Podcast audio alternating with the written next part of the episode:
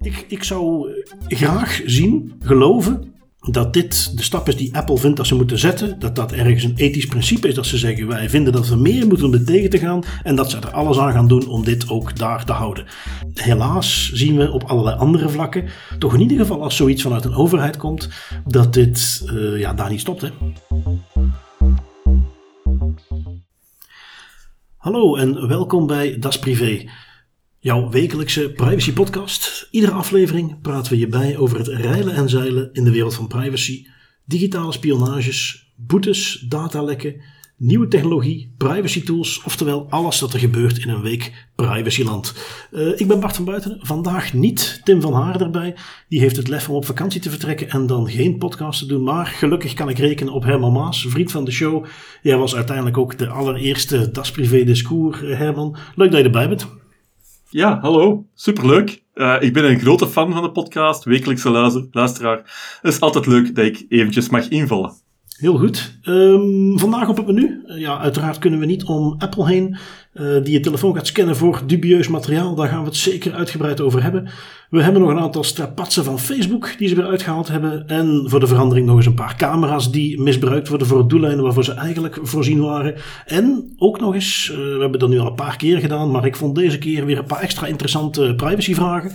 Dus dat alles gaat de revue passeren. En ja, we vliegen erin met uh, het verhaal van Apple. Jij had hem ook al opgepikt, Herman. Vertel eens kort, wat, wat is er aan de hand? Ja, je kan er echt niet meer rond. Uh, mijn Twitter-bubbel is al dagen en dagen erover bezig. Alle nieuwsbrieven die binnenkomen gaan maar over één onderwerp. En dat is de scanning van Apple. Uh, wat gaan ze doen? Kijk, Apple heeft inderdaad, er is wetgeving en er is ook wetgeving over kinderporno, dat alle grote techbedrijven ook moeten proberen om kinderporno inderdaad uh, zo hard mogelijk tegen te werken. En dat is echt een heel nobel doel natuurlijk. En Apple heeft daar nu gezegd van kijk, wij gaan iets nieuws lanceren. Wij gaan op de iPhone zelf gaan wij scannen. Gaan wij foto's scannen. En wanneer dat wij foute foto's uit een grote internationale database terugvinden, kijk, dan gaan we dat detecteren en gaan we dat ook gaan aan de andere autoriteiten gaan doorgeven. Dat een gebruiker van ons inderdaad wel heel foute foto's op zijn iPhone heeft. En dat is natuurlijk een heel groot probleem. Want um, ja, Apple is groot geworden, toch wel de afgelopen jaren, met privacy. En zij zijn daar op een gegeven moment ook in Las Vegas ooit afgekomen met een grote billboard. What happens on your iPhone, stays on your iPhone. Dus dat is echt hun kenmerk geweest altijd. En nu komen ze eigenlijk met het verhaal van, ja, kijk, we gaan toch op onze iPhone-gebruikers, op het device zelf, gaan wij lokaal foto's gaan scannen. En daar is natuurlijk heel veel discussie over. Er zijn ook meer en meer technische zaken aan het uitleggen. En daar, daar zien we toch wel, het werkt op, op hashing niveau. Dat betekent van, kijk, zij hebben een database met heel foute foto's. Daar wordt een hash van gemaakt. Die hash gaat naar de iPhones en daar wordt gekeken, zijn er hier foto's lokaal op die iPhone die eigenlijk ook in die database te vinden zijn. En wanneer dat het geval is, dan wordt die foto opgeladen en gaat er inderdaad een heel proces aan de slag met notificaties en zelfs inderdaad naar de autoriteiten een, uh, ja, een notificatie van kijk, wij hebben hier een iPhone-gebruiker die foute foto's heeft. Het is voorlopig enkel in de US, dus het is voor de US-gebruikers. Uh, maar het is toch wel iets, en dat komt terug in alle afleveringen van deze podcast ook. Je hebt zo, ja, het, het kikker in een kookpot effect, waar iedereen heel veel schrik voor heeft. Van kijk, het start maar met dit, maar dat betekent wel dat er een fabrikant, een partij eigenlijk nu gaat beslissen wat zijn foute foto's. In dit geval is het wel heel duidelijk wat foute foto's zijn. Maar we weten ook dat het misschien wel kan opschuiven. En dat er bijvoorbeeld bepaalde regimes gaan vragen, ja maar Apple, um, wij zouden in ons land toch wel andere foute foto's willen laten uh, checken. En die zijn misschien ja, iets van een totaal andere categorie. Dus je krijgt daar toch wel ja, een, een sluipend gevaar naar privacy. En dat is toch een verhaal dat we al heel veel hebben gehoord. Um, ik denk zelfs in België hebben we dat ook al gehoord. Uh, ik weet niet of veel luisteraars de Belgische firewall kennen. Die is er ook ooit ontstaan wegens kinderporno. Daar was dus het nobele doel van, kijk, websites met kinderporno, die gaan we vanaf nu voor alle Belgische bezoekers, internetgebruikers gaan afsluiten en gaan blokkeren. En dat is super nobel, maar je ziet dat het altijd opschuift. Dat er plots de kansspelcommissie ging vertellen van ja, kijk, we willen online casino's laten afsluiten. En dat onze GBA nu inderdaad ook een, ja, procedure heeft opgesteld van kijk, wij willen bepaalde websites die privacy-overtredingen doen, ook kunnen afsluiten. Dus je ziet, een bepaalde technologie, eens het er is, is het gevaar er heel snel dat alles opschuift. En daar is nu een grote discussie over, rond het hele verhaal van Apple en iPhone. Ja, dat kun je wel zeggen. Uh, uiteraard mij ook niet ontgaan. Um, wat ik interessant vond, want toen ik dit voorbij zag komen, ik, ik, moet zeggen, ik ben toch ook altijd wel een grote fan geweest van hun privacy selling point, uh, hoe ze daarmee uitpakken. Dus ik stond daar echt even van te kijken. Dus ik ben daar geprobeerd daar in de dagen dat we er nu voorbij hebben zien komen wat in te duiken. Um, ook interessant dat het uit twee facetten bestaat. Je, hebt, je, je gaf aan, we hebben dan aan de ene kant het, ja, ze hebben daar dan in het Engels een mooie term voor, hè, child sexual eh, abuse material, SESAM. Um, daar zit dus een stukje scanning in. Je gaf het al aan. Ze hebben van een hele grote database hashes berekend. Die gaan ze dan op basis van jouw foto's gaan ze die matchen.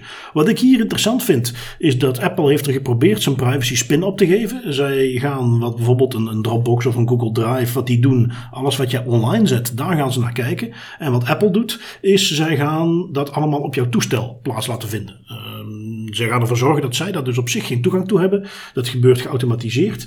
Um, ze hebben ook cryptografisch gezien daar een heel leuk systeem voor bedacht. Waarbij het dus kennelijk zo werkt dat dat niet bij de eerste de beste hit gaat gebeuren. Maar dat er, een, nou ja, ze noemen het een aantal vouchers die doorgestuurd worden. En op een gegeven moment gaat er dan ergens een lampje branden van, oh wacht even, dit zijn er te veel. Hier moet naar gekeken worden. Dan zijn er ook per hit uh, cryptografische sleutels doorgegeven die alles bij elkaar de mogelijkheid geven aan Apple om het even te bekijken. Voordat zij het doorsturen aan een Amerikaanse entiteit die daar dan vervolgens iets mee gaat doen. Dus ja, ze hebben dan geprobeerd daar, uh, ja, wat, wat zij dan van zeggen, we hebben dat proportioneel gehouden. Uh, een tweede onderdeel daarvan is dan het stukje wat tegen sextortion is. Waar via contacten die die jongeren dan hebben. Dat is, vooral gericht, of dat is alleen maar gericht op uh, min 18-jarigen. Uh, waar Apple dan ook gaat detecteren van hier zitten naaktbeelden in deze chat. Dat is dan niet specifiek gericht op uh, kinderporno. En dan zit er zelfs een systeem in dat ouders een notification gaan krijgen. Van hé, let op, jouw kind is uh, naaktfoto's aan het jarige dochter of zo. Ja, inderdaad. Dat, dat ja, gaat ook wel ja. soms bizar worden. Ja, ja, dit, ja dit is, ik, ik vond het ook. En, en ja, goed, ik neem aan dat dat laatste stukje, dat heb ik nog niet gezien. Maar dat dat iets optioneels is wat je als ouder in kunt stellen of je dat wel of niet wilt uh, activeren. Dat dat niet standaard gaat gebeuren. Uh, ik zie me tegen mijn dochter al moeten uitleggen hoe ik dat weet en waar dat vandaan komt. Is iets wat ik toch even wil uitzoeken. Um, ja, wat vind jij daarvan, Herman? Is dit, is, dit, is dit inderdaad een klassiek voorbeeldje van een potentieel hellend vlak? Uh, zie je dat hier de goede afweging is gemaakt tussen dit soort dingen opsporen en privacy? Ik snap het ergens wel hoor. Ja, het is een heel moeilijke positie en ik lees het ook overal, want ik, het is heel veel nuance dat erin zit. En je hebt dan een paar uh, mensen op Twitter die toch wel daar een goede nuance in kunnen brengen. Die zeggen van ja, kijk, er is wetgeving en Apple moet zich ook aan wetgeving gaan houden. En zij moeten inderdaad op welke manier dat zij het gaan doen. Ze proberen het zo privacyvriendelijk uh, te doen, maar natuurlijk zijn er altijd uh, zaken. En daar blijkbaar is er intern bij Apple toch ook wel verteld van ja, kijk, het is een minority die daar inderdaad over valt nu. Um, dus de gewone gebruiker gaat daar zeggen van kijk, Apple goed gedaan. Het is inderdaad een pro probleem waar we echt vanaf moeten. Dus kijk, uh, Apple, goede weg, uh, we steunen dit volledig. En het is inderdaad die privacy minderheid die heel over privacy en technologie bezig is, die er nu een probleem van vindt. Maar gaat dat ook commercieel een impact geven? Dat denk ik ook niet. Dus uh, ik denk dat ze wel zo slim zijn om dat goed te verpakken en dat goed uit te leggen om daarmee weg te komen. Maar het is inderdaad wel ja, een klein deukje in het hele privacyverhaal. Ja, het is, ik heb me ook, uh, want hoe het naar buiten kwam, is dat uh, toch in ieder geval in, in, in de, de Twitterverse en in privacyland een vrij bekende naam, Matthew Green, een cryptograaf, die, die kwam het ergens tegen en die heeft dan de kat de bel aangebonden op Twitter. En zo kwam het naar buiten, want zoals het Apple betaamt, als het iets wat negatiever nieuws is, dan doen ze dat ergens tussendoor. En als het dan aan te kondigen is op een groot event, omdat het positief is, dat, dat gaat altijd uh, grootschalig. Um, wat men dan ook zegt, dat vond ik nog wel interessant, omdat het op het device gaat gebeuren. Dus het is niet iets wat op de servers van Apple gebeurt. Zeggen ze ja, de, de reden waarom ze dat nu doen, want eigenlijk moet dat niet. Jouw iCloud backups, in tegenstelling tot bijvoorbeeld iMessage, zijn niet op zo'n manier versleuteld, zij er niet naar kunnen kijken. Maar mogelijk is een van de binnenkomende aankondigingen dat ze die iCloud-opslag dus wel uh, gaan versleutelen op een manier dat ze er niet meer aan kunnen. Daarom dat ze dat nu op deze manier doen. Um, wat ik heel interessant vind, dat is ook een, terugkerend fenomeen, die discussie over encryptie. Het feit dat uh, WhatsApp, Signal, dat soort apps, dat die allemaal wat dan heet end-to-end encrypted zijn. Met andere woorden, de servers waar de berichten overheen gaan, kunnen niet zien wat jij verstuurt, alleen de verzender en de ontvanger. En daar is al heel lang discussie over. Eh, dat dat criminaliteit in de hand werkt. Dat inlichtingendiensten daardoor verhinderd zijn. En dit zou eens een eerste stap kunnen zijn. Op de manier waarop Apple nu zegt van ja, dit, dit, dit is een, een manier om content, inhoud te gaan scannen voordat het versleuteld wordt op het toestel zelf. En ja, wat je net ook al aangaf, waar, stopt het? Uh, vandaag is het uh, een, een, database met kinderpornomateriaal. Um, morgen zijn het misschien uh, onthoofdingsvideo's die ook wel eens op YouTube de revue passeren. Dan komt er een regime dat zegt van ja, we vinden transgenders toch eigenlijk maar iets vies. daar willen wij ook dit materiaal tegenhouden. ik, ik zou graag zien, geloven dat dit de stap is die Apple vindt dat ze moeten zetten. Dat dat ergens een ethisch principe is. Dat ze zeggen wij vinden dat we meer moeten om dit tegen te gaan. En dat ze er alles aan gaan doen om dit ook daar te houden. Helaas zien we op allerlei andere vlakken, toch in ieder geval als zoiets vanuit een overheid komt, dat dit uh, ja, daar niet stopt. Hè? Ja, ik denk dat er ook wel het, het verhaal van China met Apple daar ook wel meespeelt in de, de privacy community. Dus er is, uh, ik denk een maand geleden ongeveer uitgelekt dat ze in China toch wel heel ver meewerken met de autoriteiten daar, om daar inderdaad toch wel meegaan te zijn in alle Chinese wetgeving. En dat ze daar totaal anders kijken naar privacy en security van hun iPhone-gebruikers in China. Oh ja. Omdat het gewoon moet van de Chinese overheid en de Chinese wetgeving. En dat is natuurlijk, krijg je nu zo van, ja, nu krijgen we iets extra. En als we dan kijken in China, dat is natuurlijk ook weer, uh, ja, dan komen we bij een topic dat zo meteen ook nog wel terugkomt. Met al die exploits die gebruikt worden door commerciële bedrijven en verkocht worden. Dus die NSO-groep. Dus kijk, als zij daar misschien een exploit in gaan vinden en daar ook weer een achterpoortje in gaan vinden, dan krijgen ze nog meer mogelijkheden op een iPhone. Dus ik denk dat daar heel veel mensen voor schrik voor hebben momenteel. Dat het weer iets is dat wordt ingebouwd en waar misschien toch wel een paar kanten zijn waar we nog niet helemaal weten hoe gaat dit in de toekomst gaan aflopen. En, en, het is heel goed van de, van de community om daar kritisch over te zijn en vragen over te stellen.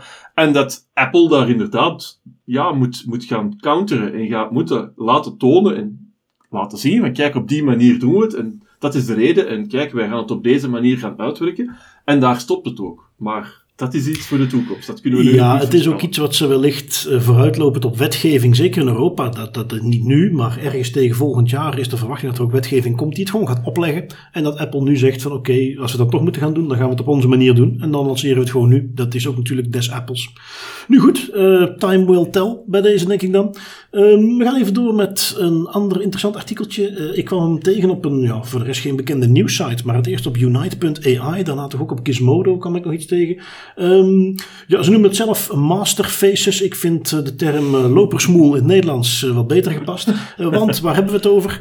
Um, onderzoekers van een Israëlische universiteit, hoe kan het ook anders, die hebben gevonden dat zij door daar een, een, algoritme los te laten kunnen komen tot een soort van negen lopersmoelen, masterfaces, die het mogelijk maken om gezichtsherkenning onbetuin te leiden. Um, 40% van het totaal wat ze geprobeerd hebben, uh, konden ze dus onder tuin leiden met die negen uh, generiek gegenereerde uh, gezichten. Nu moet je je voorstellen, dat is natuurlijk geen, geen heel echt gezicht. Soms zijn die een beetje vertekend, maar ze hebben dus een heleboel gezichten samengepakt en gezegd van nou, dit is een gezicht wat nu, of een beeld wat nu zo generiek is dat het 40% van de authenticatiesystemen tegen kan houden. Um, Stukje kanttekening moet ik daar wel bij zeggen. Ik ben daar dan ook even wat, wat naar gaan onderzoeken. Want ik dacht zoiets van ja, zo, zo simpel kan dat toch niet zijn. Uh, blijkt dus wel dat ze in het onderzoek zelf overigens ook gewoon die kanttekening maken. Dat ze zeggen ja, in de praktijk, als je dit bijvoorbeeld met Face ID bekijkt, zoals een, Apple dat geïmplementeerd heeft of, of andere bedrijven. Daar hebben ze wel technieken voor bedacht om dat tegen te gaan. Zogenaamde anti-spoofing technieken. En die hebben zij niet meegenomen in het onderzoek. Hè. Dus puur eventjes, kunnen we gezichtsherkenning op het tuin leiden, uh, los van de specifieke technieken die hem vervolgens erop gaat loslaten om een beeld te herkennen, is dit wel een echt beeld. Ehm, maar goed, ja, op zich, uh, pak eventjes de Clearview AI, die al vaak door de revue gepasseerd is in de show. Dat, uh, die tool die gezichtsherkenning doet, ja, daar zitten dat soort anti-spoofing technieken bijvoorbeeld helemaal niet in. Um, en dan, dan laat toch maar eens even zien hoe makkelijker om het tuin geleid kan worden. En waar men dus nu ook in, in handhavingssystemen, zeker in Amerika en de UK, ook al daar heel erg op steunt in het herkennen van beelden en dergelijke. Ja, dat is dus kennelijk zo'n foutmarge zit daarop als je maar een beetje een generiek gezicht hebt. Ja, inderdaad. Een, dat is een kat-en-muisspelletje. Ik denk dat technologie altijd wel weer nieuwe anti-spoofing technieken gaat vinden om het toch weer veiliger te maken. Maar het klopt inderdaad dat die, die facial recognition, het werkt waanzinnig. Hoe snel dat jouw systeem, mijn smartphone, ik gebruik het ook voor som, sommige zaken, hoe snel dat hij mij detecteert en hoe snel dat die app dan open springt. Zelfs in slechte belichting, wanneer ik geen bril of wel een bril of lenzen of het maakt niet uit, het werkt gewoon zo snel. En ik kan me dus goed voorstellen dat er daar soms wel inderdaad een uh, wat marge op zit. En als je die marge kan vinden, dat je daar inderdaad uh, ja, lopers moeilijk kan vinden. Wel een leuk woord, moet ik zeggen. En uh, goed, naar, naar dus de authenticatie die we zien op, op telefoons en biometrisch, daar, daar geloof ik wel dat men daar voldoende maatregelen voor. Maar het zit hem vooral in die systemen binnen politie en op andere niveaus waar men dus die, die wat plattere gezichtsherkenning gebruikt. Wel, uh, we hebben al vaker genoeg artikelen gezien, berichten gezien dat dat niet 100% betrouwbaar is. Maar dit vond ik in die zin interessant om te zien hoe mogelijk onbetrouwbaar dat eigenlijk is. Um, even zien, dan had jij nog een leuk artikeltje meegenomen van Vice.com. Uh, Instagram banning as a service. Wat, uh, wat viel daarover te zeggen? Ja, klopt. Eerst voor wie uh, mijn achtergrond niet weet, ik werk al zeven jaar aan de dark side van privacy in online marketing. Um, kijk, je zit ergens tussen privacy en online marketing en technologie. En Instagram, Facebook en zo, die, ja, die trekken mij altijd wel aan. Wat zijn zij daar uh, bezig? En natuurlijk ook, wat is er allemaal rond die applicaties in dat hele landschap ecosysteem aan het gebeuren? En daar kwam ik nu op Instagram Banning as a Service uh, Dus wanneer er bijvoorbeeld iemand uh, iets heel foutief online ziet, zegt, dan zie je soms wel heel de groeperingen die zeggen van kijk, we gaan die persoon allemaal rapporteren. En als er heel veel personen een account gaan rapporteren, dan gaat die ook terechtkomen bij een, een verificatieteam van Facebook of Instagram of Twitter bijvoorbeeld. En dan kan het zijn dat die persoon inderdaad geband wordt van het systeem. Tijdelijk of permanent. En deze start-up heeft dit eigenlijk gescaled voor slechte bedoelingen. Dus daar kan je zeggen van, kijk, ik heb hier een concurrent en ik zou die graag laten bannen. En dan kan je blijven voor 60 dollar daar het algoritme aankopen, bots aankopen, die jouw concurrent gewoon continu gaan rapporteren op alle mogelijke manieren. En waar ze hebben gevonden, als we dat maar consequent blijven doen met heel veel personen, is er een hele grote kans dat die account tijdelijk of permanent geband zal worden. Dus dat is toch wel ja, een beetje uh, iets heel vies, dat er zo ook een wapenwetloop aan het gebeuren is.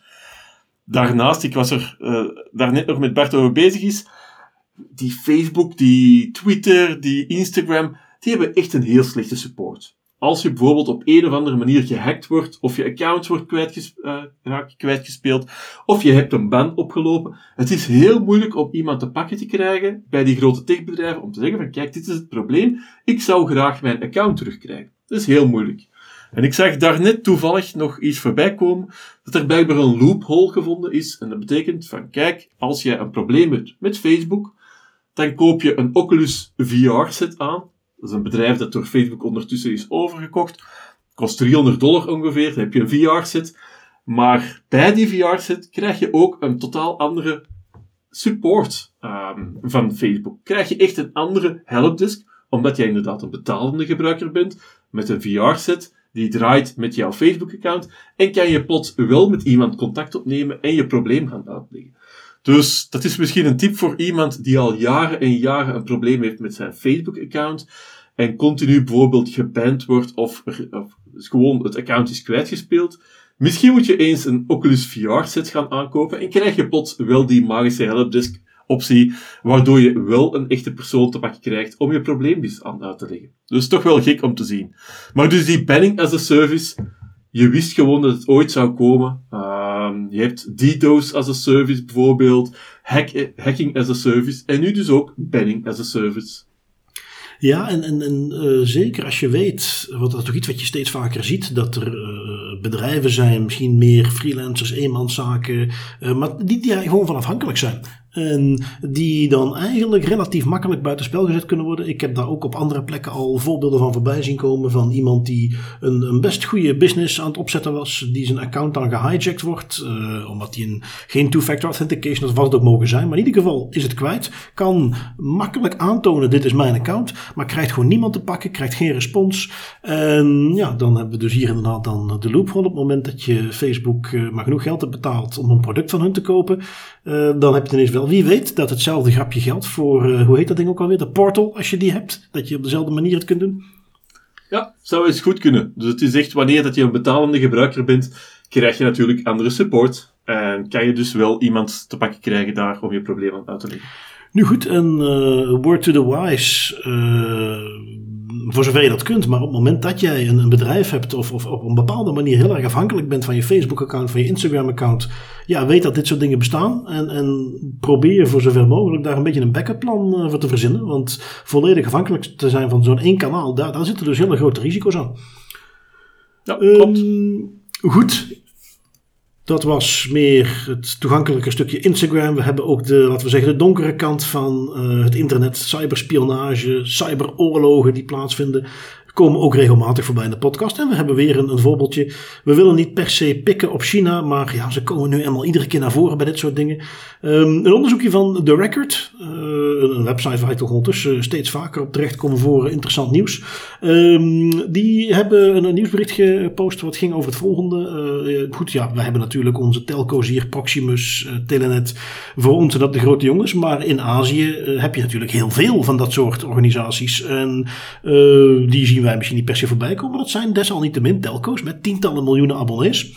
Um, onderzoek heeft aangetoond dat uh, een heel aantal van die telco's erachter zijn gekomen dat zij uh, niet door één, maar door drie verschillende uh, groeperingen, diensten, cellen van de Chinese inlichtingendiensten gehackt zijn. Um, dat is iets waar, waar heel degelijk onderzoek naar gedaan is. En waarbij ze dus zeggen van ja, wij hebben op een gegeven moment, we hebben het er al eens eerder over gehad, die, die APT's, Advanced Persistent Threat, dat zijn dan die namen die ze geven aan cellen die ze identificeren. Waarbij ze op een gegeven moment door de manier hoe ze steeds werken, door de tools, de trucjes die ze gebruiken, dat uh, inlichtingendiensten, uh, onderzoeksgroepen zeggen van ah, die kunnen we herkennen. Die hebben een dat is één groep die dat steeds doet. Wel, in dit onderzoek hebben ze dus gezien dat bij sommige van die telco's door wel drie van die verschillende groepen men de laatste jaren is uh, gehackt. En waar ze dus zagen dat, uh, waar moet je aan denken, want dat is dan echt wel spionage. In die zin dat men uh, toegang kreeg tot het facturatiegedeelte van die telco's. Dan denk je van ja, goh, een factuurtje was daar zo interessant aan. Maar wat daar in een telco altijd bij hoort zijn de zogenaamde CDR's, Call Detail Records. Waar gegevens in zitten over met wie je hebt zitten bellen, welke uh, masten je daarvoor hebt gebruikt. Dus waar echt veel potentieel gevoelige gegevens in zitten. Die telco's, hun domain controllers, webservers, exchange servers waren ook allemaal gehackt. En dus opnieuw door wel drie verschillende uh, van die hackgroeperingen, allemaal vanuit China kennelijk. Um, ja, om nog maar eens te bewijzen hoezeer dat die, die digitale wapenwetloop ook een beetje uit de hand aan lopen is. Ja, klopt. Is waanzinnig. En ik denk dat dat de echte oorlogen van de toekomst aan het worden zijn, meer en meer. Dat we gewoon niet zien wat er eigenlijk aan het gebeuren is. Um, ja, en natuurlijk lijkt er, we hebben het ook ooit gehad hier in België, het Belgicom-hack. Um, dat is toch ook wel een bekende hack die er gebeurd is. Dat was dan door onze Britse buren, om het zo te zeggen, die uh, Belgicom waren gehackt. Ook om inderdaad het facturatie, het, de CDR's te gaan bekijken van wie belt met wie. En dat was dan vooral uh, internationaal gezien via een zuster, uh, een dochteronderneming van Belgicom. Maar dat is dus iets dat al vele jaren bezig is. En die telecomoperatoren zijn er toch wel een heel leuk doel geworden. Dat merk je toch wel. Ja, het, en langzaamaan komt het gewoon steeds meer naar boven. Men is er zich ook steeds meer van bewust. En ik zag toevallig nog hier een beetje zijdelings aangelieerd. Um, maar een berichtje op Tweakers wat voorbij kwam over hoe Huawei uh, ondertussen de, de zwaarte van de sancties begint te voelen. Hun omzet is serieus gedaald. Uh, sancties die uiteindelijk voortkomen uit een stukje die handelsoorlog, maar toch ook zeker omdat steeds meer, ook al zegt men ja, daar zijn geen keiharde bewijzen voor, maar ik denk dat er in, in, in zeker de inlichtingenwereld weinig twijfels zijn dat Huawei gewoon doordrongen is met Chinese inlichtingendiensten en op het moment dat jij hen gebruikt voor gevoelige dingen, dat die data gewoon doorstroomt. Um, en ja goed, hier weer een voorbeeldje van dat dat toch echt het domein is waar het de komende jaren in te doen gaat zijn inderdaad. Uh, een ander domein wat we ook heel vaak terug zien komen en wat dan weer wat nauwer aanleunt tegen de meer privacy aspecten die we als doorsnee burger continu tegenkomen, uh, zijn ANPR-camera's. Uh, jij had een artikeltje meegenomen, Herman, van Tweakers, ook politie.nl, ja. over iets waar men die camera's nu weer voor misbruikt had. lopen ons er doorheen. Ja, klopt. Ja, in Nederland is er heel veel ophef gekomen. Um, er is een intern bericht van de politie tot bij de pers, tot bij, enkele journalisten terechtgekomen. En daar blijkt dat de afgelopen jaren dat die ANPR-camera's, we kennen die allemaal als de nummerplaatcamera's die overal uh, opduiken, dat die toch wel andere foto's ook namen. Ook foto's van wie zit er in de, in de auto, van de inzittende, van de bestuurder, van de bijrijder en dergelijke zaken. Dat dat intern ook is ja, doorgegaan naar de top van de politie in Nederland. Het gaat hier inderdaad over de Nederlandse politie. En dat men op 1 juni daarmee gestopt is. Waarom? Omdat ze zelf doorhadden van, wij hebben totaal geen wettelijke basis daarvoor. Voor naast nummerplaten en foto's van auto's met de nummerplaten te gaan nemen, ook foto's van de inzittenden te gaan nemen en die te gaan bijhouden. Um, dus daar is heel veel over te doen geweest. De vraag is nu, wat is er met die foto's gebeurd? Hoe, ja, welk detail hadden die foto's? Er is al wel uitgelekt van, kijk, naar gelang de stand van het zonneklepje bijvoorbeeld, of van die auto's met een brede tuningband tegen de zon, dat die toch wel de inzittende best wel onherkenbaar konden maken. Maar dus in vele wagens konden die ANPR-camera's ook gewoon de inzittende fotograferen en kijken wie is er bij wie in de auto. Um, we kennen die, die dat cameranetwerk ook wel in Nederland en dat was heel succesvol. Pas bij de moord uh, in Hartje Amsterdam van de, van de bekende journalist. En daar zag je hoe dat systeem op, een, een half uur, een uurtje tijd eigenlijk direct resultaat had gebracht. Dus daar zag je ook wel de goede kant van het systeem. Maar het is al heel veel hier in de podcast voorbij gekomen. Dat is dan één succesverhaal. Maar als je ziet hoeveel camera's er zijn en wat er allemaal mee kan gebeuren, is nu de vraag van ja, hoe ver gaat dat en schuif het weer niet altijd op. En hier zie je dat eigenlijk de function creep in actie was getreden, dat het was opgeschoven en dat ze zelf plots doorhadden van we zijn te ver gegaan. Wij hebben totaal geen wettelijke basis en kijk, we moeten hier zelf mee gaan stoppen. En zo is het uitgelekt geraakt. Dus dat was iets wat eigenlijk totaal niet geweten was, dat de Nederlandse politie dit ook deed met die camera's. Ja, weer je inderdaad klassieke voorbeeld van we hebben ze daarvoor neergezet, daar gaan we ze voor gebruiken van, oh wacht eens even, dit is ook wel interessant, laten we dat eens gaan doen. En daar zie je toch ook weer dat, op een gegeven moment beseft men dat dan, maar dus de eerste keer dat men dat wilt gaan doen, is er kennelijk niemand, want met dat ze dat nu gezien hebben, dat dat gelekt is, die interne memo, weet je dus wel, van dat ze het wisten, wilden ze er iets mee doen. En dus kennelijk is er daarvoor niemand die toen heeft gezegd van, oh wacht even, volgens mij zijn we hier iets aan doen wat niet kan. Wat uh, ja, alleen maar kan toegeschreven worden aan toch het ontbreken van de meest basale awareness rond uh, privacywetgeving. Uh, laten we maar afsluiten op de positieve noot dat ze het in ieder geval zelf gezien hebben. En dat het nu vanwege die interne memo uitlekt, maar niet omdat het in een rechtszaak naar boven komt en ze het gewoon nog aan het doen waren. Uh, silver lining, zoals het dan zo mooi heet. Uh, even zien, ik heb er nog eentje van de record kort even aanhalen, maar ik vond hem gewoon heel erg leuk. We hebben die ransomware gangs al vaker voorbij laten komen. Uh, we hebben al eens gezien dat de, de manier hoe ze de, communicatie doen met de slachtoffers, dat ze helpdesken hebben, dat daar echt een heel professioneel verhaal achter zit tegenwoordig.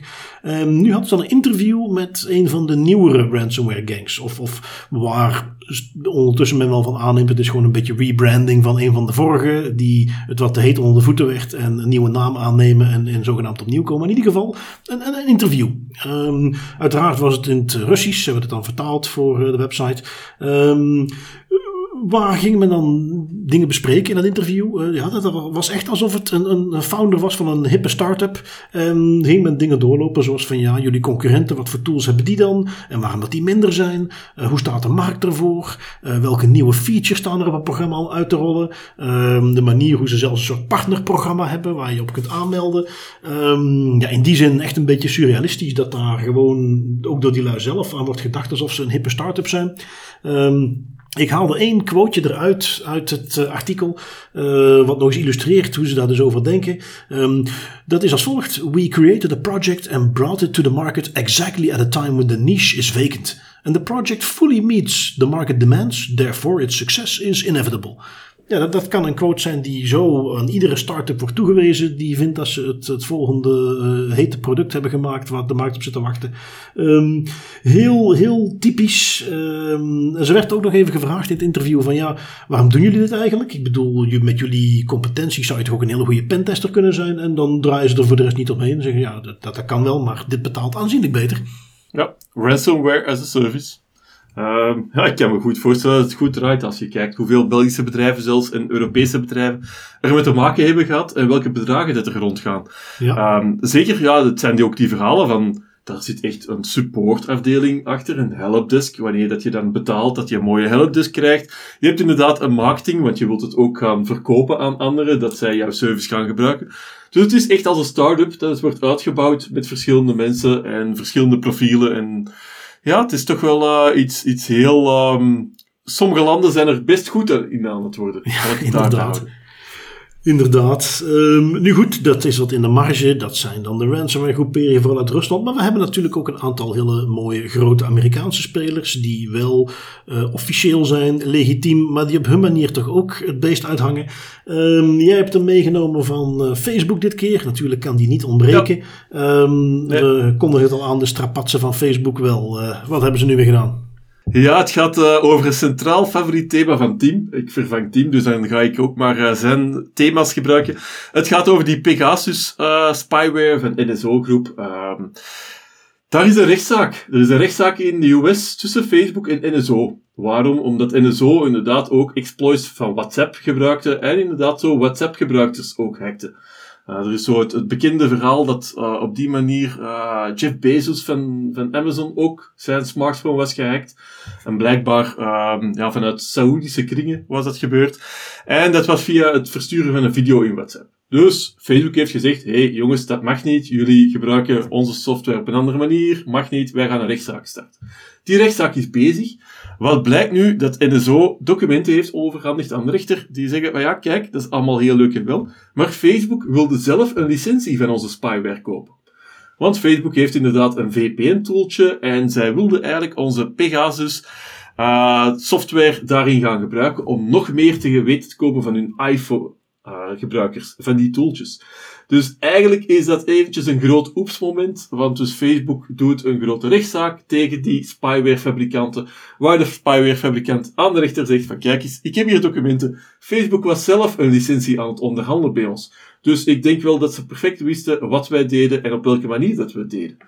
En dat wordt toch wel heel uh, leuk in een popcorn momentje de volgende weken wat daar nog uit gaat komen.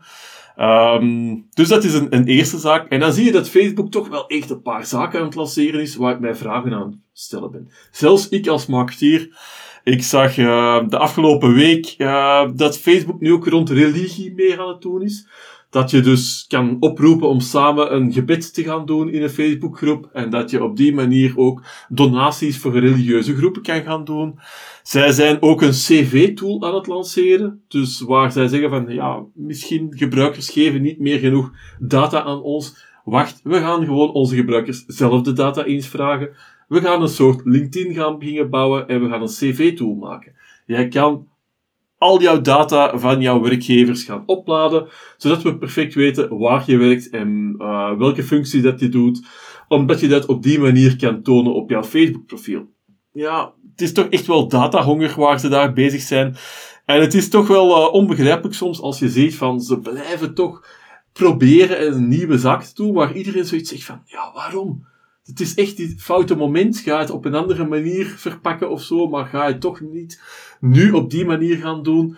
Uh, je hebt eventjes het momentum tegen. Ga eventjes terug low profile. Uh, ga eventjes concentreren op je kerntaken. En misschien over een paar jaar is alles overgewaaid en kan je terug uh, beginnen met nieuwe features aan te komen die redelijk privacy gevoelig zijn. Maar op deze moment zou ik daar echt niet mee starten. Ja, maar dat, dat, dat is toch wel bizar om te zien. Daar doet Facebook niet aan. Uh, ik, ik, moet ook zeggen, uh, ik had geloof ik een paar weken geleden had ik als mijn privacy tool dat boek An Ugly Truth. Uh, wat over Facebook gaat. Um, ja, echt een heel goed boek. Uh, wat ze ook zeggen, we hebben daar duizenden en duizenden uren gesprekken gevoerd met mensen die het kennen. En daar zie je echt een patroon in zitten, wat hier ook weer terugkomt, wat alleen maar gericht is op groei. Al de rest is window dressing. Alle andere issues die ze aanhalen, dat is gewoon omdat ze denken dat er een risico zit wat die groei in gevaar brengt. En dat is hier dus ook. Hè. Dat is nieuwe markten, nieuwe manieren om aandacht te krijgen, om meer gebruikers te koppelen, om mensen vaker terug te roepen naar het platform. Um, ja, daar wordt kennelijk geen middel geschuwd en geen data is veilig als het kan helpen om de groei van Facebook te stimuleren. Dat lijkt een beetje de, de insteek te zijn. Um, ja, dan zie je, zie je dat uh, Facebook toch wel een beetje helemaal alleen staat op die manier. Uh, Microsoft, denk de oudere uh, luisteraars gaan het zeker weten. Op een gegeven moment, Microsoft was ook zo het zwart schaap in de technologiewereld. En vanuit Europa, overal werden er boetes richting Bill Gates en Microsoft afgevuurd. En dan zag je dat Microsoft eventjes low profile is gegaan. En waar ze nu, zoveel jaar nadien, volledig full force terug zijn gekomen in een andere gedaante. Dus zij hebben zich echt gaan herbronnen, want te gaan kijken van ja, misschien waren we toch echt wel monopolistisch en waren we daar toch wel foute zaken aan doen. En zij zijn echt van, van richting veranderd. En zij zijn totaal anders. Microsoft is niet meer te herkennen momenteel met uh, zoveel jaar geleden. En daar zie je dat Facebook toch gewoon blijft doordrammen en blijft ja, doorgaan. Eén, één belangrijke factor daarin, dat is ook wat het bijvoorbeeld bij Microsoft, als ik dat even zie, hoe ik het voorbij heb zien komen, wanneer het echt begon te veranderen, toen uh, Satya Nadella daar aan het roer is komen te staan, dat is de grote verandering geweest. En ja, Facebook, dat blijft bij de zak. En die ook opnieuw, wat ook weer nog eens uit dat boek blijkt, die de touwtjes daar stevig in handen heeft. En behoorlijk, je zou het misschien niet denken als je een beetje zijn uh, herte oogjes ziet als hij weer eens ondervraagd wordt in het congres, maar behoorlijk autoritair de plak zwaait. En ja, goed, als dat dan zijn idee is, dan gaat dat ook niet zomaar veranderen natuurlijk. En je ziet dat ook steeds terugkomen. We hebben nu uh, een volgend dingetje waar ik dan even op meelift, omdat we het toch over Facebook hebben. Um, een tijd terug had je ineens een, een, soort aankondiging dat Facebook zei van ja, we, we, begrijpen het, al die settings, privacy, wat delen we met wie, allemaal moeilijk. Weet je wat, we gaan het voor jullie vereenvoudigen. We gaan dat centraliseren, we gaan het allemaal bij elkaar zetten. Um, ja, nu is er dus een, een, een, verandering aankomende weer in de interface. Um, waarbij je het gevoel lijkt te krijgen dat eh, Facebook daar merkte van oh shit, we hebben het mensen wel veel te makkelijk gemaakt. Uh, die zitten veel minder te delen, die zitten al die privacy instellingen veel te streng in te stellen. Dat gaan we eens even omgooien. En wat hebben ze dus nu kennelijk gedaan? Um, ik weet niet of jij het voorbij hebt zien komen of nog gaat zien. Uh, maar ik gebruik geen Facebook, dus ik kan het ook niet uh, testen. Maar kennelijk heeft men dus die privacy settings, die nu eerst gecentreerd waren, heeft men die nu verspreid over allerlei verschillende categorieën. En moet je dus een hele dans door de settings gaan doen om ze terug te vinden. Um, ik, uh, omdat ik hem, dat hele artikel overigens is een aanrader, alleen ook al voor de komische waarde. Heel leuk geschreven. Eén quote die ik niet wil onthouden. Um, techcrunch.com komt het artikel vandaan. En de auteur zegt het volgende: Now, if you want to update your privacy settings, all you need to do is visit all of these new categories and subcategories individually. Any one of them might have the right crucial toggle inside. It's like a treasure hunt. Um, dus ja, leuk. Um, wat Facebook daar dan tegenin werpt is van ja, maar we hebben dat misschien wel gedaan. Maar tegelijkertijd hebben wij een soort privacy check-up tool gemaakt. Een soort wizard. Als je die opent, dan gaat hij jou door al die settings heen lopen en kun je dingen aanpassen. Maar we weten natuurlijk ook wel een beetje hoe dat werkt. Uh, in misschien een iets andere context. In een marketingland kennen we dat ook. Ja, we, we, er zijn technieken om mensen een beetje te beïnvloeden als ze door zo'n wizard lopen. En ik wil niet, niet al te cynisch doen, maar dat Facebook in die wizard daar technieken op gaat loslaten die jou uh, nudgen naar zoveel mogelijk delen, dat lijkt me niet al te ver gezocht. Ja, Sowieso. Daar zit zeker AB-testing op. Um, als we nog maar kijken naar um, wanneer GDPR 2018 actief is geworden, dan zijn ze ook komen vragen voor opnieuw toestemming opt-in te krijgen van iedereen. En toen hadden ze zelfs fake notificaties in het scherm. Dus er, ze wilden jou zo snel mogelijk laten goedkeuren, want je had toch wel een notificatie van een bericht dat je wilde gaan bekijken. Er was totaal geen bericht. Het was volledig een fake notificatie die hardcoded in die tool zat ingebouwd, dat iedereen die fake notificatie zou krijgen. Dus dit is toch wel ook iets, ja, je moet altijd twee keer opletten en het eventjes rustig doen en niet snel, snel eentjes doorklikken, want dan ben je sowieso in de juiste manier, uh, in de juiste richting geleid door hen. Dus daar uh, zullen ze wel, uh, ja, best wat AB-testing op loslaten om te zorgen dat ze op de juiste manier de juiste patronen kunnen laten en de juiste richting uh, kunnen tonen hoe jij moet klikken doorheen die wizard. Ja, en dat is uh, ongetwijfeld toevertrouwd. Um, ik heb nog een paar dingen die ik kort even de revue wil laten passeren.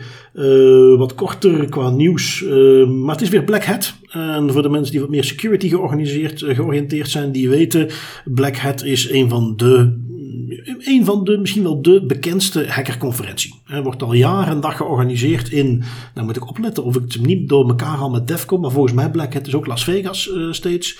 Ja, en, klopt. Um, ja, dat, dat is hetgene. Je ziet ook security onderzoekers die sparen doorheen het jaar soms wat dingen op om dan op Black Hat breed uit te kunnen pakken. Um, dat betekent dus ook dat de sappigste bugs uh, voorbij komen. Um, eentje die ik voorbij zag komen was uh, iemand van uh, Google Project Zero. Dat is een, een, ja, een groepje wat Google heeft opgericht. waar voorlopig geen enkel commercieel belang achter zit. Behalve dat ze echt die mensen de ruimte geven om allerlei security onderzoek te doen. Die komen ook met ontzettend goed materiaal naar buiten. Altijd heel goed omschreven. Ik lees er altijd graag over. En nu dus weer een onderzoekster die daar zit. Die op Black Hat presenteerde.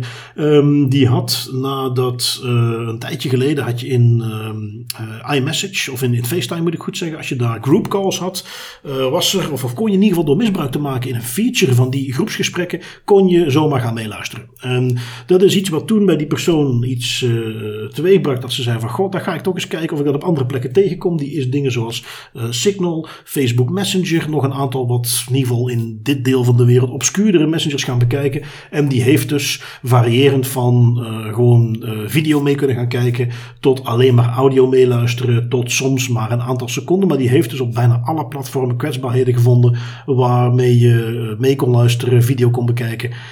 Um, goed, zoals het dan Black Hat betaamt, uh, zijn dat wel dingen die al van tevoren zijn afgestemd met de makers van die tools. Die zijn ondertussen ook al gepatcht. Hè. Dat is de, ja, we hebben de mooie term responsible disclosure hebben we daarvoor. We gaan dat soort dingen pas naar buiten brengen op het moment dat we weten dat het ook gepatcht is. Um, daarbij soms even vergeten dat mensen die hun toestel niet updaten, daar toch nog steeds slachtoffer van worden. Maar goed, dat terzijde. Um, een andere variant die ook voorbij kwam, die vond ik zelf wel leuk. Een onderzoeker die presenteerde, um, je kent misschien wel die capsulehotels. Ik heb er zelf nooit in geslapen. Uh, zeker in Azië zijn ze volgens mij populairder. Maar het idee is, het is je hebt geen hotelkamer, je hebt een, een, ja, in een blokkendoos heb je een klein stukje van het blok. Um, dat is dan een klein deurtje. Dat moet je je voorstellen als misschien anderhalve meter breed, anderhalve meter hoog en 2,5 meter diep. Je hebt precies plek genoeg om te liggen en wat spullen neer te leggen. En zo lig je naast elkaar. En goed, dit was dan een van die uh, hackers die uh, maakte dat mee. De buurman was nogal lawaaierig midden in de nacht. En toen besloot hij om eens te gaan kijken, kan ik daar niet iets aan doen? Lang verhaal kort is terechtgekomen in het systeem, wat natuurlijk uiteraard aanwezig is in dat soort hotels, waarmee je de digitaal met je, kennelijk krijg je een iPod Touch die je daarvoor kunt gebruiken, de lichten kunt bedienen, de verwarming kunt instellen, dat soort dingen. En is dus binnengedrongen in die systemen, heeft dat ook weer gepubliceerd. Um, bottom line voor mij van deze twee berichten was gewoon van ja, alles is hackbaar. En iets om in gedachten te houden, uh, waar een beetje hacker toch ondertussen uh, zich in kan verliezen als hij wilt. Ja, en die Black Hat conferentie die is echt zo mythisch. Het is trouwens de eerste grote tech-conferentie in Amerika die terug fysiek doorgaat. Dus die zitten echt in Las Vegas met z'n allen met 10.000, 20.000 in een grote zaal uh, naast elkaar te schurken. Uh, toch wel bizar. Uh, ik ben er nog niet aan toe om dat te gaan meemaken. Maar heel leuk met die Black Hat is ook altijd, elk jaar komen er blogposten over, over hoe je moet voorbereiden als bezoeker van zulke conferentie. Omdat het inderdaad een conferentie is waar alles gehackt wordt. Dus waar je bijvoorbeeld nooit met je gewone smartphone naartoe mag gaan, waar je echt een burnerphone uh, gaat meenemen, waar je weet van kijk, na die Black Hat moet ik die gewoon weggooien, want de kans dat ik gehackt ben op mijn smart smartphone is heel groot. Waar je beter ook uh, geen bankautomaten dicht bij de conferentie gaat gebruiken, waar je dus enkel met cashgeld naartoe gaat. Die, dat is echt een, een conferentie in Las Vegas, de stad waar alles mogelijk is en alles kan. Waar eigenlijk gewoon iedereen loslopend wild is. En een heel leuke quote die ik ervan zag voorbij komen was... Um, elk jaar, ja, daar loopt het natuurlijk ook vol met uh, geheime diensten. En ook van andere landen die op die manier hacks en hackers willen inlijven of uh, willen leren kennen of willen onderzoeken. En blijkbaar dit jaar is er toch wel een groot verschil, omdat er heel veel van die buitenlandse diensten, geheime diensten niet aanwezig zijn, dat iedereen terug plots zijn eigen drank moet kopen. Vroeger waren er altijd wel figuren die overal gratis drank trakteerden aan iedereen. En die zijn er dit jaar niet. En uh, dat zijn toch wel die buitenlandse geheime diensten die dit jaar niet aanwezig zijn. Omdat de grenzen nog altijd dicht zijn en dus dat iedereen plots zijn eigen drank uh, aan het betalen is. En dat is toch wel een opvallend verschil van de voorbije jaren. Maar het is echt wel een, een meets uh, plaats waar dan inderdaad de meest juicy bugs van het jaar altijd worden gelanceerd. En waar het altijd inderdaad gaat over responsible disclosure. Dus meestal is het al gepatcht tegen dat het uitkomt. Maar daar kan je toch altijd echt waanzinnige verhalen terugzien voorbij komen. Klopt mythisch, mythisch inderdaad, een cultuurfenomeen in, in hackerland. Um, ik heb nog een kort nieuwsberichtje. Privacy International, ook weer zo'n privacygerichte organisatie, meer naar het activistische toe, heeft nog een onderzoekje gedaan. Um, ja, heeft een, een hoog open deur gehalte in die zin van, ja, wie staat er nog van te kijken? Maar ze hebben dan een aantal uh, applicaties onderzocht, appjes die dieetadvies geven. Uh, en waar ze dan tegenaan liepen is goed, je, je installeert die en dan moet je natuurlijk allerlei vragenlijsten invullen, maar ze kwamen erachter dat dat eigenlijk wat je ook in die vragenlijsten invulde, dat advies wat eruit kwam, was toch hetzelfde. Um, wat dan natuurlijk de vraag deed reizen, wat, wat gebeurt er dan met die gegevens? En waar ze dan in sommige van die apps ook zagen dat die meteen uh, interacties hadden met externe partijen, waar ze die gegevens dan doorstuurden. Dus ja, gewoon als algemeen uh, tipje, als je dat soort appjes installeert, als je nog wel eens denkt van, oh, een leuk quizje of iets wat gegevens verzamelt. Um, voor de luisteraars van de podcast wellicht iets waar iedereen zich al wel van bewust is. Maar inderdaad, je verwacht het niet. Die gegevens die ze verzamelen worden vaak meteen doorgestuurd. Um, in die zin misschien een beetje een soort datalek. Um, ik moet zeggen dat ik, waar dat normaal gezien een wat uitgebreider onderdeel van de show is, uh, dat het dit keer wat meeviel met datalekken. Misschien wat overschaduwd door dingen zoals het, nieuws van uh, Apple. Um, ik had er nog eentje. Uh, interessant, vooral omdat het een, een, Europese entiteit is. Je hebt, en, en omdat het een beetje ironisch is. Dat heet de Cybersecurity Atlas. Dat is een, een Europees initiatief. Je moet dat zien als een soort gouden gids voor de who's who in, in securityland. Als jij op zoek bent naar organisaties, uh, dan kun je daarin opzoeken. Als jij zoekt een bepaalde specialisatie, kun je het daarin opzoeken. Um, wel, die website is gehackt. Er staan geen supergevoelige gegevens in. Het gaat vooral om contactgegevens, uh, zeg naam, adres, telefoonnummer, vaak ook bedrijven, soms ook personen. Dus in die zin niet heel erg schokkend. Uh, wat ik wel interessant vond in het artikel is dat men dus aangaf dat het niet zozeer ging, uh, wat je nu heel veel ziet van scraping. Het was publieke gegevens. Je kon daar ook een toeltje maken om dat eraf te trekken.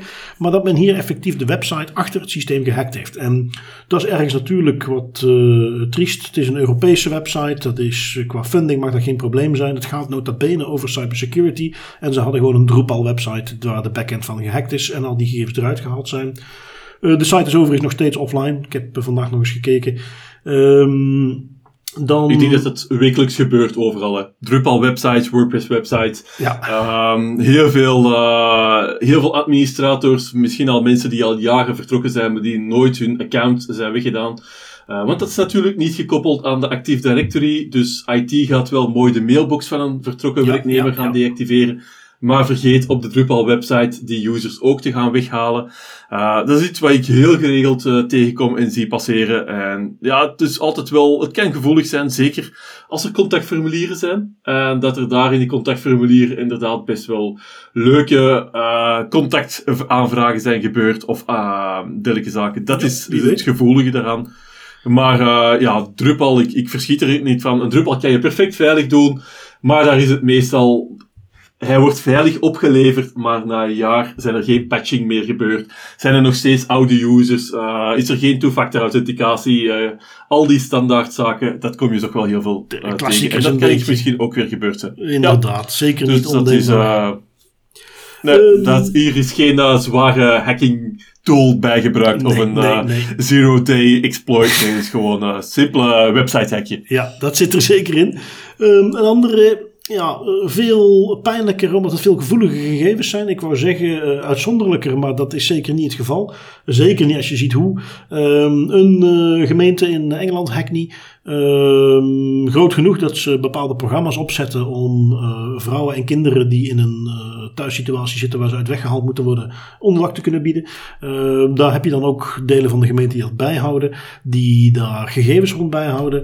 Kennelijk hadden ze er niet beter op gevonden dan daar Trello voor te gebruiken. Op zich een heel leuk toeltje, maar iets waar als je niet oplet, gegevens heel makkelijk publiek staan. En dat was dus hier ook het geval. En we hadden het dus over het voorbeeldje wat ze in het BBC-artikel, het komt van de BBC-website lieten zien is van een, een, dame die met haar dochter inderdaad was gevlucht. En waar dus op zo'n Trello-board, als je dat maar wist terug te vinden, gewoon publiek te achterhalen was in welke hostel ze zaten. En waar natuurlijk het, het potentieel voor misbruik ongelooflijk is. En ja, hier ook weer die, die basale awareness op het moment dat je dat soort gegevens van die gevoeligheid gaat verwerken, dat je dat niet op een Trello-bordje zet of um, een soortgelijk toeltje. Er zijn er meerdere. Ja, dat, dat, dat mag toch eigenlijk niet meer gebeuren. Ja, het gevaar met Trello is inderdaad dat uh, een bord heel snel publiek komt en dat Google dat gaat indexeren. Ja. Ik heb er uh, drie jaar geleden een blogpost geschreven op mijn eigen blog over op welke manier dit kan ontdekken.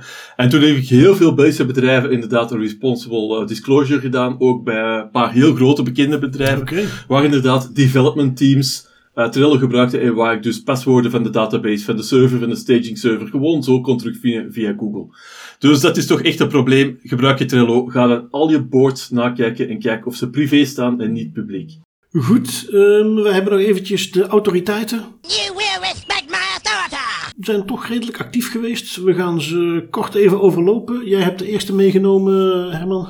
Ja, een, een, waanzinnig leuke. Om te laten zien hoe snel dat fout kan gaan.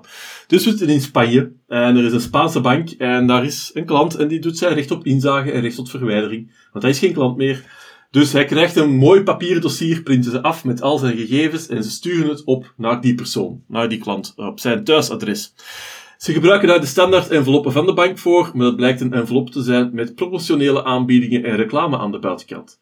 En die persoon krijgt het thuis en die zegt, ja maar, ik heb mijn recht tot uh, inzage en verwijdering gedaan, jullie hebben totaal geen wettelijke grond meer om marketing te doen naar mij. En op deze manier doen jullie toch marketing naar mij. Dus dat is eigenlijk gewoon een fout van daar een persoon die de standaard enveloppen van de bank heeft genomen, die documenten heeft ingeplaatst en heeft opgestuurd. Maar dat is dus inderdaad met marketingdoeleinden en de privacyautoriteit is dat gevolgd met een boete van 50.000 euro tot gevolg. Toch wel stevig, moet ik zeggen. En dat is gewoon puur uh, ja, de, de foute persoon op de foute moment uh, daar een foutje mee maken. En de verkeerde envelop, ja. Het kan in een klein hoekje zitten. Ja, kan uh, echt heel snel gebeuren. Ik heb nog eentje meegenomen, iets wat je toch in Nederland veel meer ziet. uitspraak bij de rechtbank, waar een persoon erachter was gekomen dat bij de gemeente Rotterdam medische gegevens verwerkt werden in een dossier waar dat niet de bedoeling was. Die daar jarenlang op verschillende tijdstippen bezwaar tegen maakte. Uiteindelijk heeft de gemeente toegegeven dat dat een fout was rechtbank eh, heeft daar een zaak van gemaakt bij de rechtbank. En de rechtbank heeft daar nu een uitspraak gedaan rond de immateriële schadevergoeding. Uh, wat ik hier interessant aan vond, is dat het wat afwijkt uh, ten opzichte van het gewone. In Nederland heb je al wel vaker een 250 of 500 euro voorbij zien komen. Hier vond de rechtbank kennelijk dat de schade hoger was, maar dat is niet onderbouwd. En dat is iets wat altijd ter discussie blijft staan. Moet je immateriële schade nu ook nog op een bepaalde manier onderbouwen? Maar hier heeft de rechter dus besloten om gewoon 2500 euro immateriële schade toe te kennen.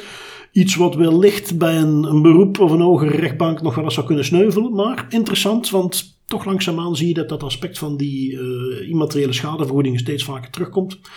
Um, we pakken nog eventjes een uh, boete in Oostenrijk erbij. Deze kan tellen, heb ik in Oostenrijk nog niet veel gezien. 2 miljoen. De Yo Bonus Club. Um, ja, uh, zie het als een uh, soortgelijk van, van Join, geloof ik dat ze hier in België heet. Misschien zijn ondertussen al veranderd. Maar een soort loyaliteitskaartje wat je op verschillende winkels dan kunt gebruiken. Um, een beetje de klassiekers qua fouten.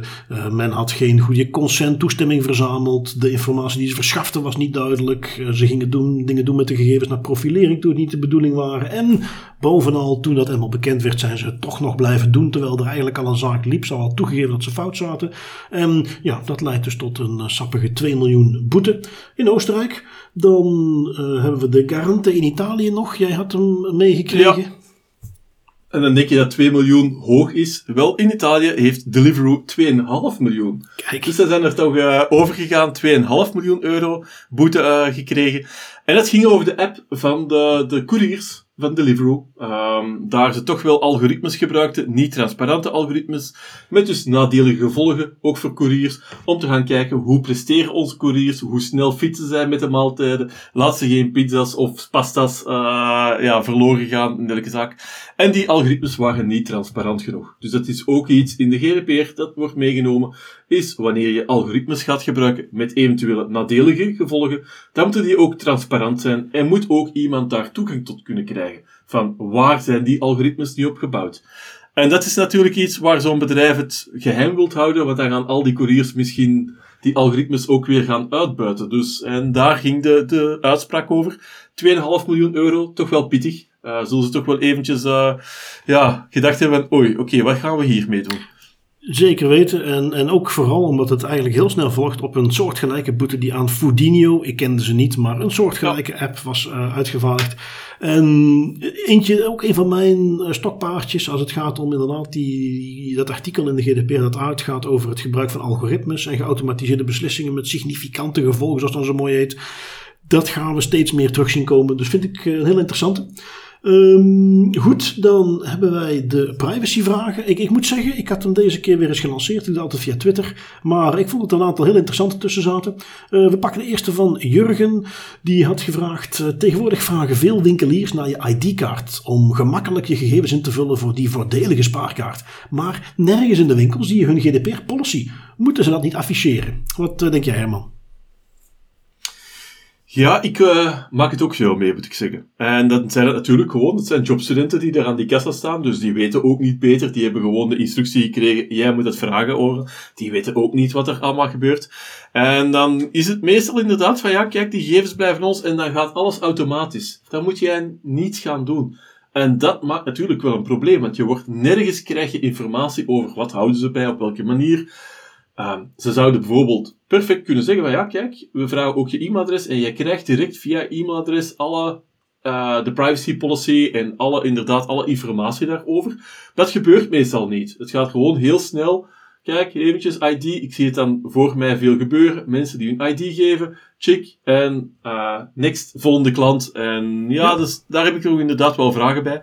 Um, waar ze op, toch op een of andere manier, ofwel geven ze het mee, ofwel geven ze aan van kijk, uh, op de kassabon is het gewoon bijvoorbeeld, kunnen ze het perfect gaan bijprinten van kijk, onze privacy policy, of daar zelfs in het heel kort in statements, op, op vijf statements, vijf regeltjes gaan uitleggen van kijk, dit doen we, en alle informatie kan je op deze korte link gaan terugvinden. Dus ze kunnen dat echt wel op, op die manier goed gaan, gaan krijgen, maar op de meeste momenten is het gewoon uh, ook niet uh, helemaal transparant. Nee, nee en, en daar zitten we, waar jij een paar goede voorbeelden aan had. Die van die kassabon vind ik ook een leuke. Uh, dat hoeft dus inderdaad niet te zijn dat al die winkels hun behangpapier moeten vervangen met privacy policies. Zo overdreven is dat niet. Dat mag op een, op een praktische manier. Maar, en dat is waar Jurgen ook op doelt, en daar heb je dus gelijk in, Jurgen. In de basis, iedere keer, waar dan ook, op wat voor manier dan ook, als er persoonsgegevens verwerkt worden, moet je daarover geïnformeerd worden. Dat mag zoals Herman ook al als voorbeeldje aangeeft, redelijk bondig zijn. En dan verwijzen naar uitgebreidere informatie online. Maar dat moet dus altijd het geval zijn. En dat is iets wat we heel veel zien, wat ik al vaker al eens heb aangehaald. Dat is iets wat al zoveel jaren fout gaat. Ook al is de GDPR er al drie jaar, ook al bestond dat vroeger in de vorige wetgeving ook al die verplichting. Dat gaat nog jaren duren voordat het overal consequent goed wordt toegepast. Maar moet dus inderdaad wel. Um, eentje, ja, vind ik toch een van mijn persoonlijke favorieten. Um, Sander had een vraag.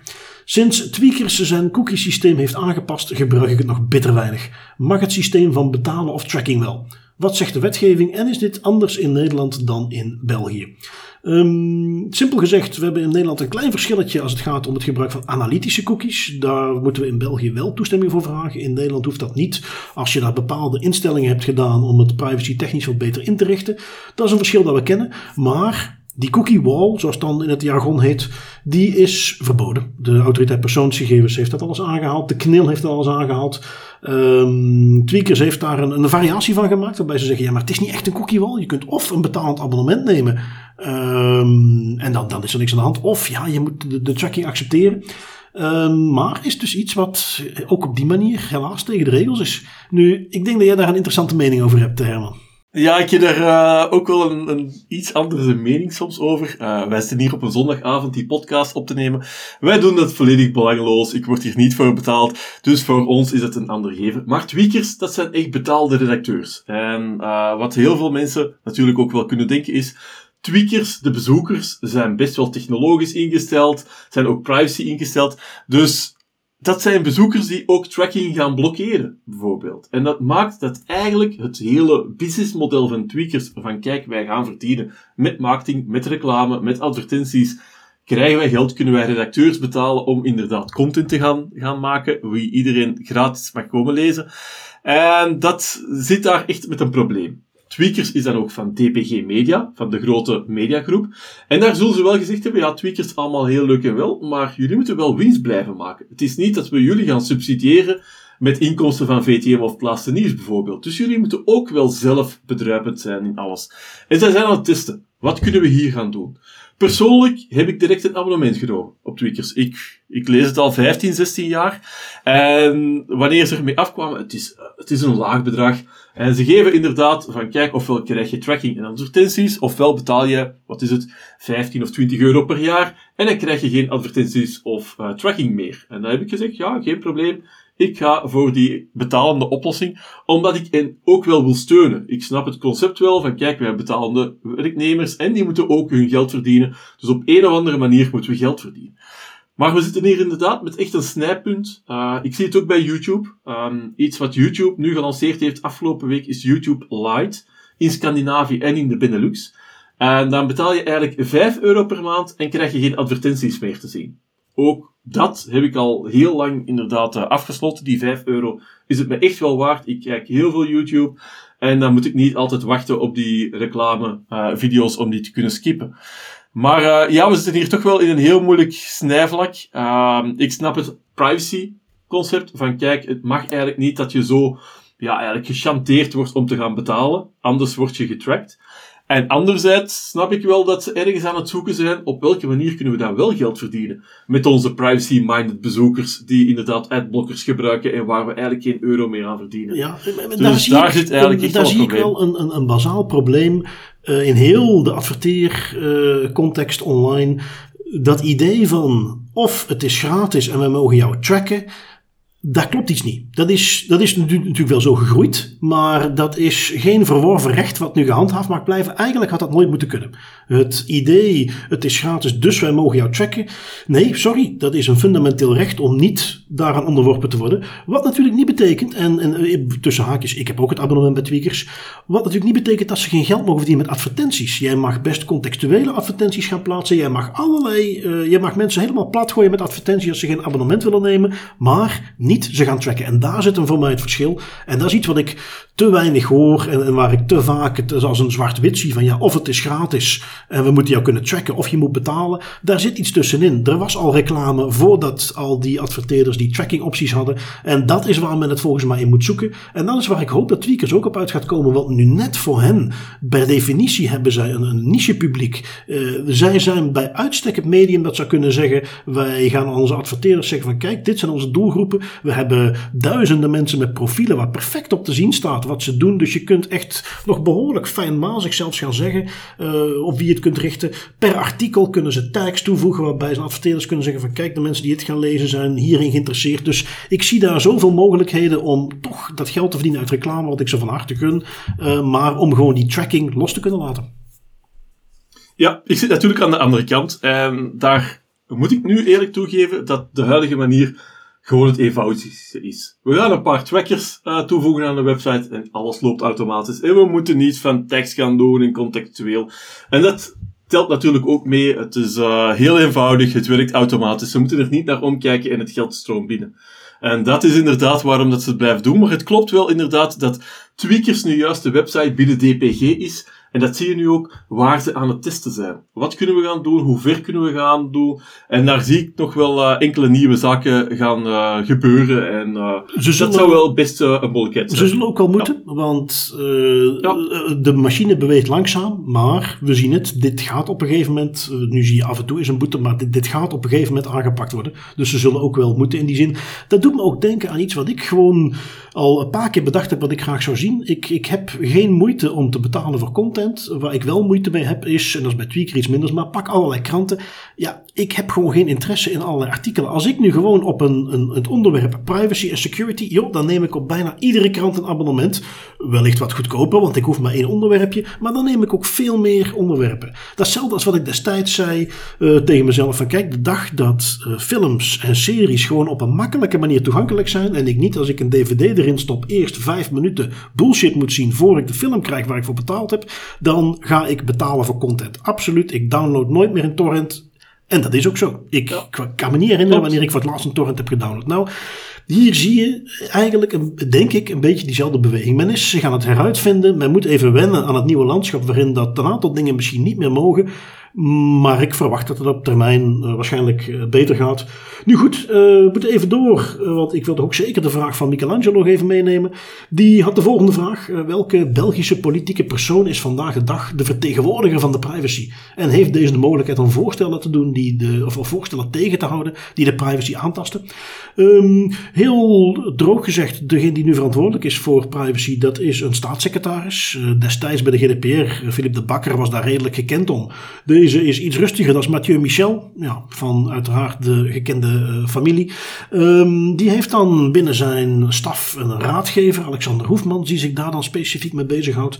Belangrijk om te weten, dat is dan vanuit de, re de regering. Dat zijn dus uh, mensen met aan de wetgevende kant. Die kunnen wetten gaan bedenken, die kunnen voorstellen doen. Ze zijn nu bezig met bijvoorbeeld een evaluatie van de GDPR, waar ze heel veel input verzamelen overal. Um, wat die niet kunnen doen, is uh, in de bres springen als ze zien dat er ergens een, een, een, wet komt die daar tegenin gaat, daar heb je de GBA voor. De GBA, opgericht vanuit het parlement, dat is nu net het controleorgaan dat dit soort dingen moet tegengaan. Um, probleem daarmee is een beetje dat de GBA een adviserende rol heeft en dat het vervolgens aan het parlement is. Als er een wet voorgesteld is, als er een initiatief is genomen, dat is voorgesteld, dat zit in een, in een commissie, uh, dat wordt beoordeeld door de GBA, die geven daar een positief of negatief advies over en vervolgens is het aan onze volksvertegenwoordigers om daar dan vervolgens een gevolg aan te geven. Gebeurt niet altijd. Dat is een beetje het, het, het op dit moment. Maar dus, Michelangelo, zo zit dat. We hebben een staatssecretaris, maar die zit vooral in een context dat hij daar voorstellen rond kan doen. En vervolgens hebben wij dan een controleorgaan, de GBA, die daarop moet toezien, die adviezen overgeeft. En waarbij ja, toch die andere controleurs, want dat is wat volksvertegenwoordigers ook zijn, die moeten uh, hun burgers vertegenwoordigen en in die zin nieuwe wetsvoorstellen tegen het licht houden. En dus beslissen of ze het ergens mee eens zijn of niet. En die zouden die adviezen van de GBA mee moeten nemen. Waar het daar een beetje stokt, uh, persoonlijke mening, waar het daar een beetje stokt, is dat de basale kennis van privacy als grondrecht en gegevensbescherming in wetgeving niet altijd even bekend is bij onze heren en dames volksvertegenwoordigers en daar dus niet goed naar gekeken wordt. Ja, klopt. En ik vind dat we toch wel een stapje achteruit zijn gegaan. Uh, het is veel onzichtbaarder geworden en dat was, ja, dat is toch wel een spijtige zaak, vind ik persoonlijk zelf. Omdat het zo belangrijk is, ik denk dat we volgende jaar echt een minister gaan nodig hebben van security en privacy en moet, uh, informatie. Het, het, het, wordt zo belangrijk, alles draait daarop. Uh, het zal zelfs een, een link worden met defensie, met binnenlandse, met buitenlandse zaken. Dus, maar het is echt spijtig dat ze daar eigenlijk een stap hebben teruggezet.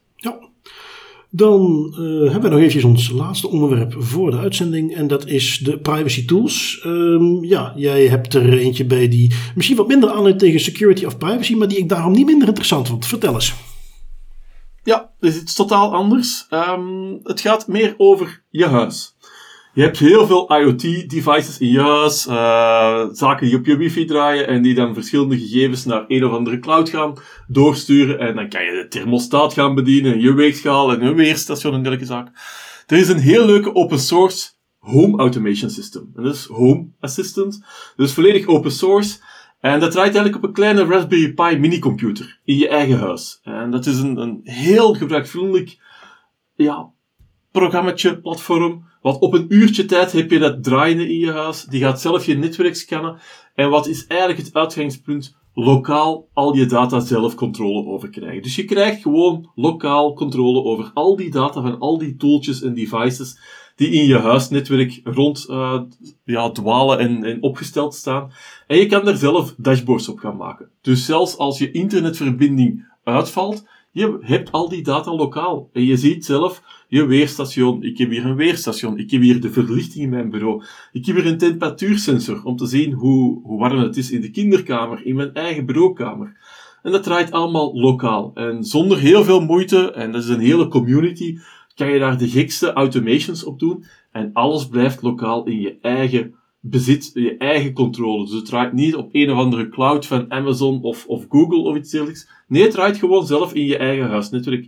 En dat vind ik zelf vanuit privacy en security toch wel heel leuk. Het is niet geconnecteerd met het internet. Je kan er niet van buitenaf, kan je daar niet op aan. En ik heb hier een heel systeem waar ik eigenlijk alles in het huis mee kan gaan aansturen, gaan, kan gaan bekijken, uh, kan gaan opmeten van hoe was het weer nu weer de afgelopen dagen. Kan ik perfect allemaal hier lokaal in mijn eigen netwerk gaan bekijken. Leuk, leuk. Vooral dat aspect inderdaad van het is lokaal. Want we hebben het al eens gezien dat Nest of uh, Amazon plat lag en dat vervolgens je thermostaat niet kon bedienen. Dus heel interessant. Um, ik heb datarequests.org meegenomen. Een website. Ik heb ze al wel eens vaker gezien. Ik weet dat Ministry of Privacy heeft ook een deel op zijn website specifiek gericht in de context van uh, Belgische entiteiten. Maar dit is een van de grootste die ik ooit heb gezien. Is opgericht door een uh, Duitse organisatie, belangenorganisatie. Wat kun je er doen? Op zich heel simpel. Ze hebben daar een ontzettende lijst aan organisaties. Amerikaans natuurlijk heel veel, maar voor de rest adverteerders, Netflixen van deze wereld, noem het maar op. Um, je kunt die vervolgens, je kunt erop zoeken, je kunt ze selecteren en dan gaan ze jou met een hele handige wizard doorheen de stappen leiden om daar een inzageverzoek te kunnen doen, om je rechten uit te kunnen oefenen. Dus uh, het, het, het principe op zich is niet nieuw, maar vooral het gemak waarmee ze dan bij die grote bedrijven je faciliteren om zo'n aanvraag te doen, vind ik een hele interessante. Dus uh, zeker uh, leuk om eens een keer te gaan bekijken. datarequests.org. Ja, het ziet er heel mooi uit, heel gebruiksvriendelijk. Wat ik daar goed aan vind is, het is niet bedoeld om geautomatiseerd een spam uh, aanval te gaan uitvoeren nee, op een bedrijf. Nee, het is echt wel een manueel proces. Het is niet zo dat we um, allemaal ons e-mailadres gaan ingeven en dan op dezelfde dag 20.000 van deze requests gaan afvuren naar Telenet of Belgicom uh, of Proximus om uh, daar ze eigenlijk midden in het bouwverlof uh, alle diensten eigenlijk te gaan overladen. Nee, hier gaat het echt over, wij willen je helpen op een juiste manier de aanvraag te gaan uitvoeren. En dat vind ik wel heel goed. Goed, dan uh, zit het erop voor deze week. Herman, ik wil jou heel hartelijk bedanken om even in te springen voor Tim. We zullen wel kijken of die nog uh, terug mag komen, want ik vond het een hele goede aflevering. Geintje Tim, uiteraard. Um, dus bedankt voor jouw tijd. Luisteraars ook bedankt voor het luisteren. Ja, tot de volgende keer. Tot volgende week.